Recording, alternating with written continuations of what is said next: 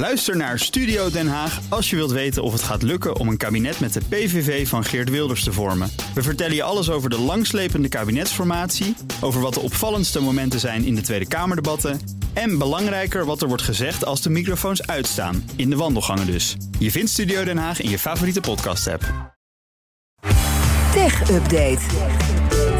Met Joe van Buurik. Hey Joe. Dag Liesbeth en Kees. Ja, dit is toch een opvallend verhaal. Gevoelige informatie van het ministerie van Onderwijs, notabene... Mhm. is jarenlang alleen op USB-sticks bewaard als backup. Ja, even opmerkelijk als knullig over het digibetisme... of een vorm daarvan bij onze overheid, zou je kunnen zeggen. En een boeiend verhaal inderdaad van Follow the Money eerder vandaag.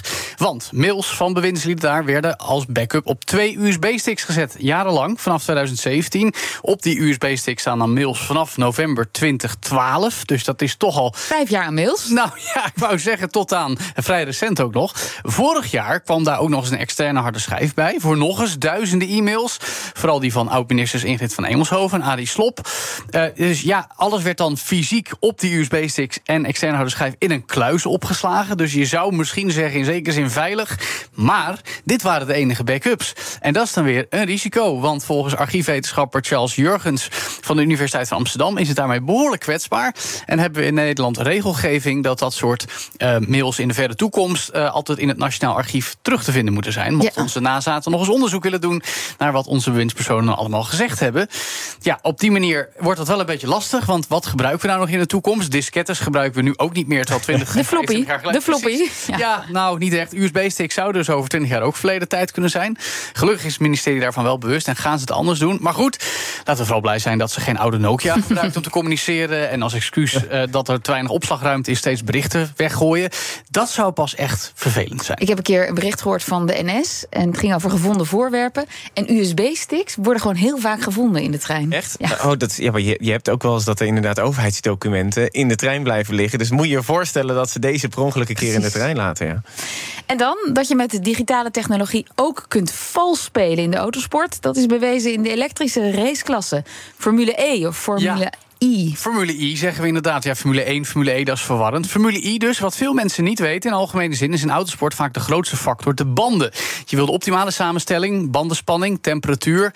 Dat is met oog op de grip en ook minimale slijtage belangrijk. Ja, ik heb een verleden in autosport. dus Ja, ik dat- weet dat soort hoor je nu wel, inderdaad, ja. Handig om te weten ook wat je tegenstanders doen. Bijvoorbeeld in de Formule I, want daar rijden ze sinds begin het seizoen met een nieuw merk banden. En dus is nog heel weinig informatie bekend over wat optimaal is. En dus wat deed het team van DS Penske, geleerd aan Citroën? Die plaatsen een RFID-scanner aan het begin van de dat? pitstop. Ja, dat is eigenlijk een radiofrequentiescanner die ook gebruikt wordt bijvoorbeeld in dit pand om met je pasje of tag binnen te komen. Bij Ja. bepaalde deuren kun je hem zo scannen. Nou, nu zit er ook zo'n chip die je kan scannen in banden van Formule I-bolides. En ja, als die bij de pitstraat staat, dan kan het team zo zien wat de eh, status van elk band van elke auto is. Dat is best handig. Dat beschrijft de tech-website The Verge en in Nederland ook AG Connect.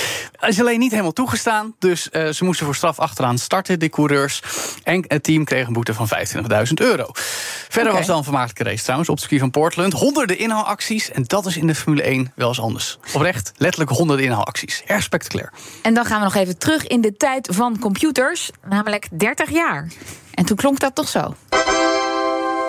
Ja, het opstartgeluidje van Windows 3.1. Wie kent dat nog, dames en heren? Nog voor. Windows 95, zelfs letterlijk 30 jaar terug in de tijd. Goede reden, want dat is het systeem, bestuurssysteem... waarop WinGPT werkt. En dat is een retroactief, stokoude versie van ChatGPT. Hè? Dus we hebben er eentje gemaakt voor 30 jaar geleden. Ja, dit is in de categorie waarom. Het antwoord is omdat het kan. Dat is namelijk eh, het, eh, het- de reactie van een ontwikkelaar op communicatieplatform Hacker News van Y Combinator. Die heeft een oude PC uit 1993 en die zei: Ik vind dat die mee moet gaan in de AI-revolutie. Dus hij heeft op basis van de technische koppeling van OpenAI, de API moet ik dan zeggen, eigenlijk gewoon een ouderwetse versie van ChatGPT gemaakt. De gesprekken daarmee zijn wel erg kort, want het geheugen stelt niet heel veel in staat.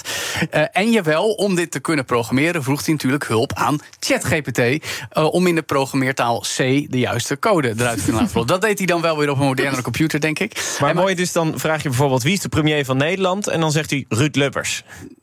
Dat zou ook kunnen. 1993. Ja, ik weet eigenlijk Ja, niet of ja. hij gekoppeld is. eh, met welke dataset. Ik denk dat dat wel de huidige dataset is. Maar dat is een ander verhaal. Het werkt in ieder geval heel ouderwets. Deze man maakt ook al eens Windle. Het woordspelletje Wordle. Maar dan voor Windows 3.1. Dus ja, leuk voor mensen die Ja, 30 jaar en iemand met te veel tijd misschien. eh. Dat ook, ja. Je moet er eh, gek van zijn. Dankjewel, Joe van Buurik. De BNR Tech Update wordt mede mogelijk gemaakt door Lenklen. Lenklen. Betrokken expertise, gedreven resultaat. Ook Diana Matroos vind je in de BNR-app. Ja, inderdaad. Je kunt live naar mij luisteren tijdens de Big Five.